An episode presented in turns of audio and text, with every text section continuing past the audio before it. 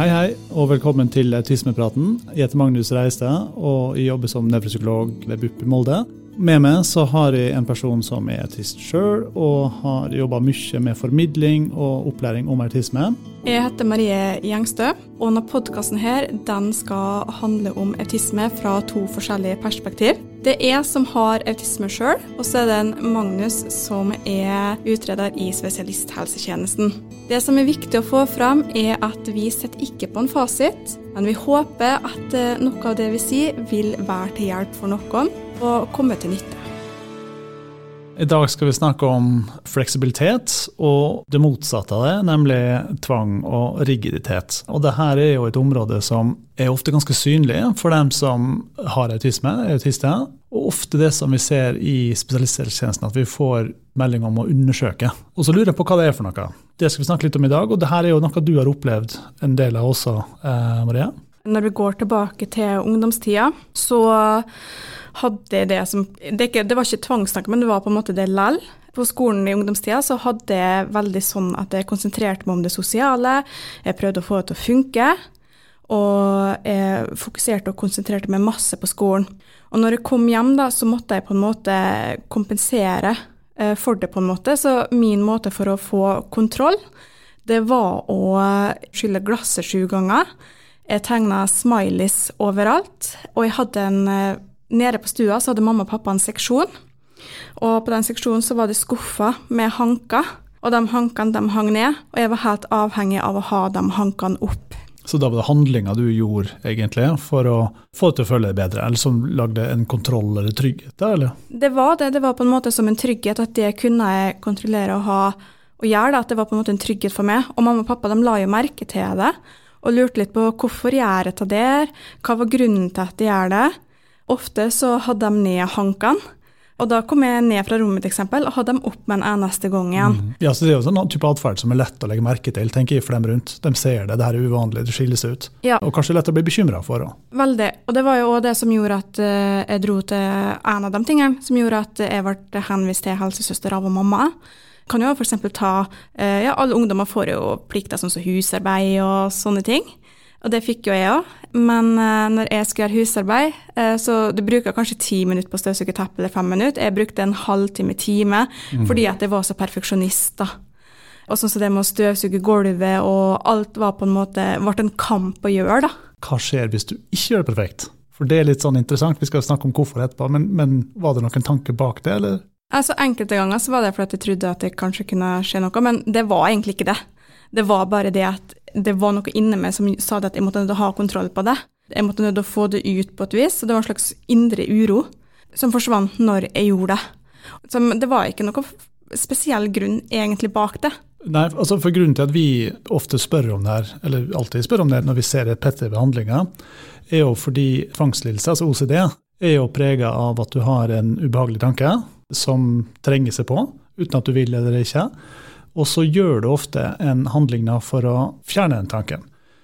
Og det kan være en handling som du skjønner er litt teit og kanskje egentlig ikke har noe med det her å gjøre, men likevel så har det en veldig sånn sterk kobling mot den tanken. Det tar vekk ubehaget. Og det, det, kan være på en måte alvorlige ting, men det kan også være mindre alvorlige ting som vi ser i liksom vanliglivet. Sånn som her i Molde så er det vanlig å henge ut eh, flagg når Molde fotballklubb spiller fotballkamp. Og da um, tulla jo jeg med naboen min at jeg måtte henge ut flagget mitt før han, for da vant Molde. Og det er sånn, eh, et eksempel på det her, sånn et mildt eksempel, men likevel så der handling og tanke henger sammen, og til en ekstern eh, hendelse. Men det var altså i mindre grad til stede hos det. Det var mer at det handla om kontroll. Det var mer det. Det var mer at jeg måtte på en måte gjøre det. Og det var jo fordi at jeg kompenserte for det som skjedde på skolen. Det var mye ukontrollerbart, det var eh, hardt sosialt, det var hardt faglig. Det var Så stor belastning. mye kaos. Så når jeg kom hjem, så trengte jeg en måte å få det ut på. Og da tror jeg at det ble en måte å få det ut på, da. Der kunne jeg gjøre min greie. Ja, og det er nok akkurat sånn jeg tenker altså Det er jo veldig vanlig der, at vi ser tvangshandlinger den som har autisme. Og jo mer stressa og jo mer trøkk det er i livet, jo flere handlinger blir det veldig ofte. Og omvendt òg. Hvis du er roligere og har det bedre, så er det mindre tvangshandlinger og mindre behov for det. Sånn at det her er, er handlinger som akkurat som i OCD, så er det, er det handlingene som har en emosjonsregulerende funksjon. Og så er det jo sånn at det blir veldig forsterka, de handlingene her, fordi at når du gjør det, så kjennes det litt bedre ut. Det gjør det. Det er en sånn behagelig følelse. Og det er jo ofte sånn det du nevner med når du stresser, så kan det komme mer fram. Jeg har ikke det i samme grad sånn som når jeg var ungdom, nå lenger når jeg er voksen. Men hvis jeg er veldig stressa nå som voksen, så kan jeg fortsatt ha en del greier. Så det kommer fram eh, litt sånn i tide og utide hvis jeg er veldig stressa. Og jeg kjenner det igjen, og jeg vet at ok, når jeg begynner å gjøre de handlingene, så må jeg nødt å roe ned. Jeg må nødt å begynne å tenke over hva er det som gir meg stress, da. Ikke sant. Og så er det sånn, det vi snakker om rigiditet, det er jo kanskje noe litt annet enn på en måte det med tvang og tvangshandlinger. Men rigiditet er jo litt sånn at du må ha det på en viss måte, ellers så blir ting vanskelig. Der er det jo sånn at Jo tryggere du er, jo mer fleksibel på en måte er du. eller Da kan du tåle ting som som er litt annerledes enn det du hadde f.eks. sett for deg? Det er mye jeg har opplevd eh, i mitt liv. Jeg kan jo fortelle litt sånn humoristisk repetitivt, da, men også Jeg har f.eks. sånn at uh, en kniv, det kan jeg ikke bruke opp igjen to ganger. Jeg må ha ny kniv for hver pålegg jeg smør.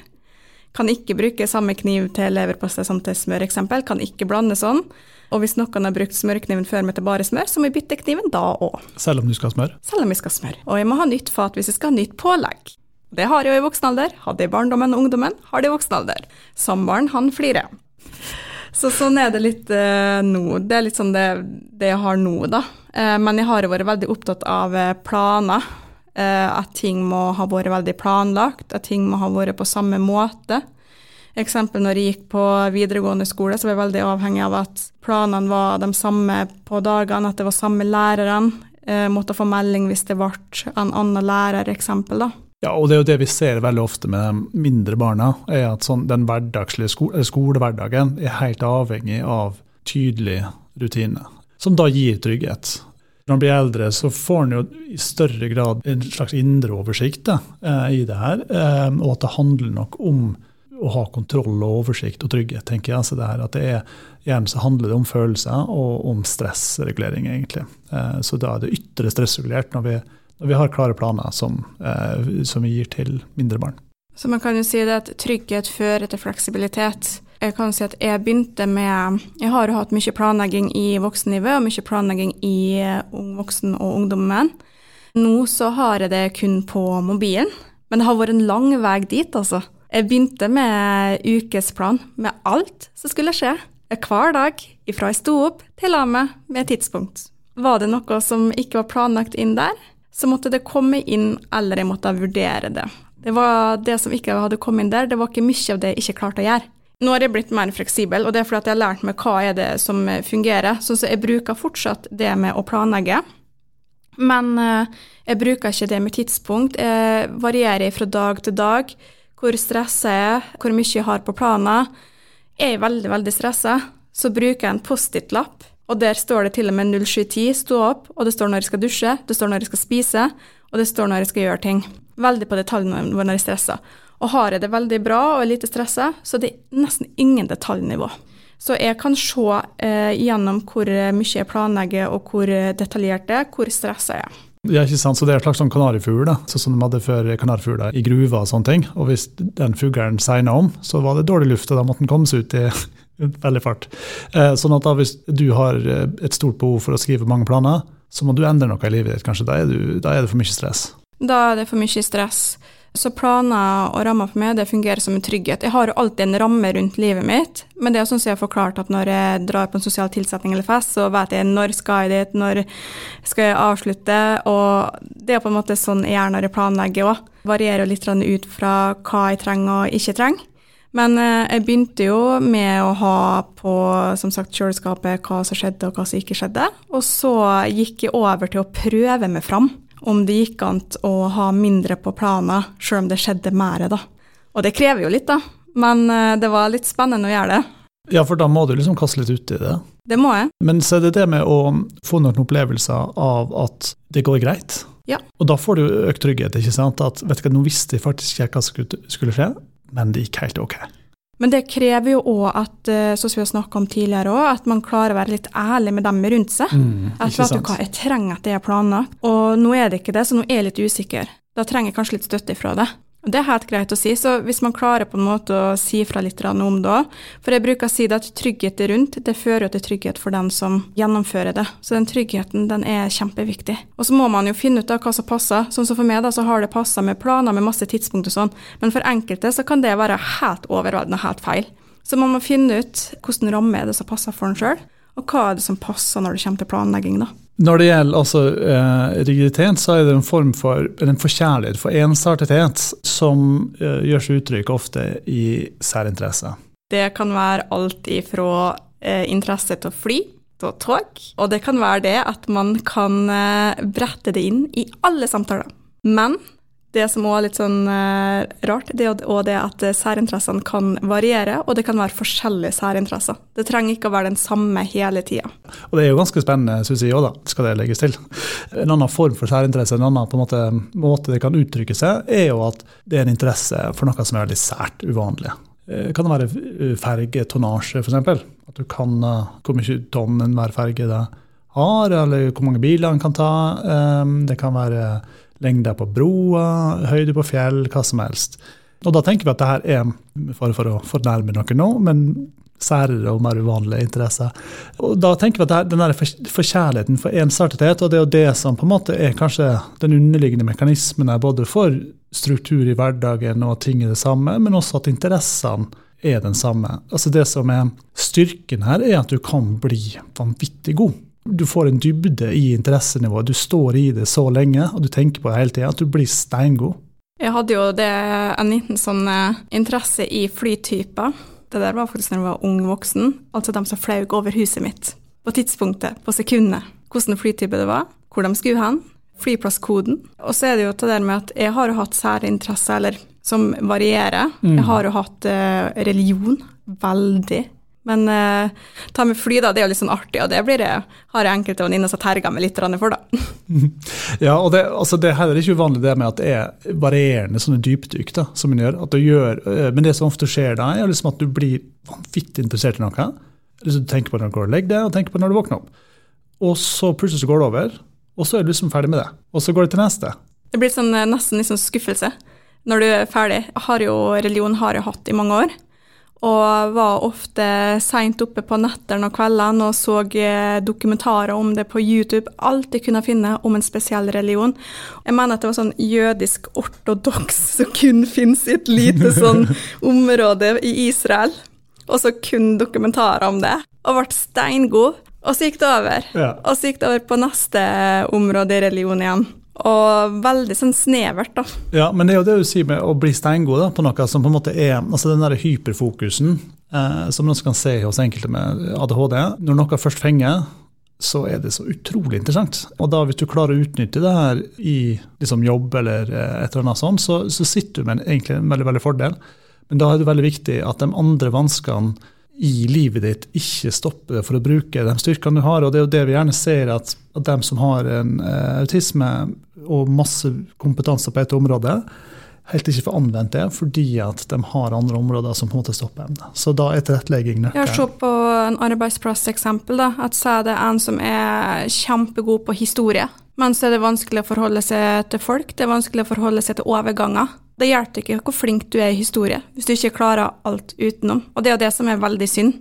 Um, men på litt på sida, da, at det er jo det vi på en måte kan takle litt for nå, at vi har fått litt hjemmekontor, at vi har fått litt flere muligheter da, til å jobbe sånn at flere får brukt den der kompetansen man har på et eller annet vis. da. En annen form for repetitiv atferd som vi egentlig ganske sjelden ser hos oss eh, på BUP, da, men som vi av og til ser, og vi i hvert fall alltid ser etter, det er jo det med sånn repetitiv bevegelse, stereotypisk atferd som det kalles. Det ofte kan være i form av rugging, eller det kan være å gå fram og tilbake. Eller altså så, Det er det gjentatte motoriske bevegelser, mer eller mindre komplekst, egentlig. Eh, Det ser vi sjeldne, men det handler også igjen om stress, da, eh, sånn jeg tenker. Jeg vet ikke, har du, eh, Er det her noe du har på en måte opplevd? Ja, jeg har faktisk opplevd det. Veldig ofte når jeg var barn og ungdom, så gikk jeg veldig mye att og fram på rommet mitt. Og jeg tror det var for å få ut eh, noe inni meg som jeg ikke helt klarte å sette ord på. Men jeg brukte å springe frem og tilbake på rommet mitt og gikk att og fram, hadde på musikk, hoppa opp i senga, gikk att og fram og var veldig sånn fysisk aktiv på rommet mitt. da. Så du hadde en slags sånn fast rute, på en måte? Ja, det var en slags fast rute. Mm. Så jeg gikk fram og tilbake, fram og tilbake. Og mamma og pappa kunne høre meg ofte ned og lurte på hva jeg holdt på med og sånne ting. Men jeg klarte jo ikke å si til dem hva jeg egentlig holdt på med, at jeg bare måtte ned og gå fram og tilbake sånn, fordi at jeg måtte få det ut. Det her er jo igjen reguleringsbaserte mekanismer. Uh, Vi ser det hos den som, har, eller som er autist, som har autisme, eh, men vi ser det også hos um, nevrotypikere, og vi ser det hos dyr. De sier et ordtak at da går det på veggene, og det er jo på en måte ganske mye sant i det. Altså da, hvis det er for lite som skjer, så begynner folk å bevege seg repetitivt. Det ser vi veldig godt i, um, i dyreparker hos dyra. Hvis de har for lite stimuli, så går de rundt i den akkurat samme um, mønsteret. Du kan se en slitt sti, f.eks., der, der dyret beveget seg. og Det er trist å se, da, tenker jeg. Og hvis det er for mye inntrykk, f.eks. nevrotypikere, når det er smerte, f.eks. hodepine, så kan du se at de sitter og gynger, tar seg til tinningen kanskje. På sykehuset på akutten så ser du masse eh, stereotypisk atferd uten autisme. Eh, også på fotballkamp ser det Og kjempemasse. Og konserter. Folk står og hopper opp og ned. Og det er viktig tenker jeg, å vite når, jeg, når vi snakker om det her til i pasientopplæring på BUP, så sitter mitt inntrykk at folk liksom skjønner litt mer, og da blir det mindre skummelt. De tør å skjønne hva det er for noe, og, og tør å på en måte ta tak i det kanskje, og, eh, og akseptere det i større grad. Ja, For man føler jo seg litt rar når man gjør det og ser at andre kanskje ikke gjør det. Men så er det som du sier, en helt naturlig forklaring Det har, det. det har en funksjon, og av og til så er det kanskje, eh, skal den ikke drive og forstyrre for masse heller. At eh, det har en eh, regulerende funksjon, sånn at da kan de få lov å gjøre det og kanskje bake inn det som en del av hverdagen, egentlig. At enten har sanserom, eller la dem på en måte få bevege seg litt og på en måte stimme, som en sier da. Det tenker jeg også. Så lenge det ikke er til hinder eller farlig for en sjøl eller andre, så la dem helle på, tenker jeg. Ja, supert. Det var det vi hadde for i dag. Neste gang så skal vi snakke litt om hvordan få hjelp, og hvordan en skal mestre livet sitt. Det skal vi. Det blir spennende. Takk for i dag. Takk.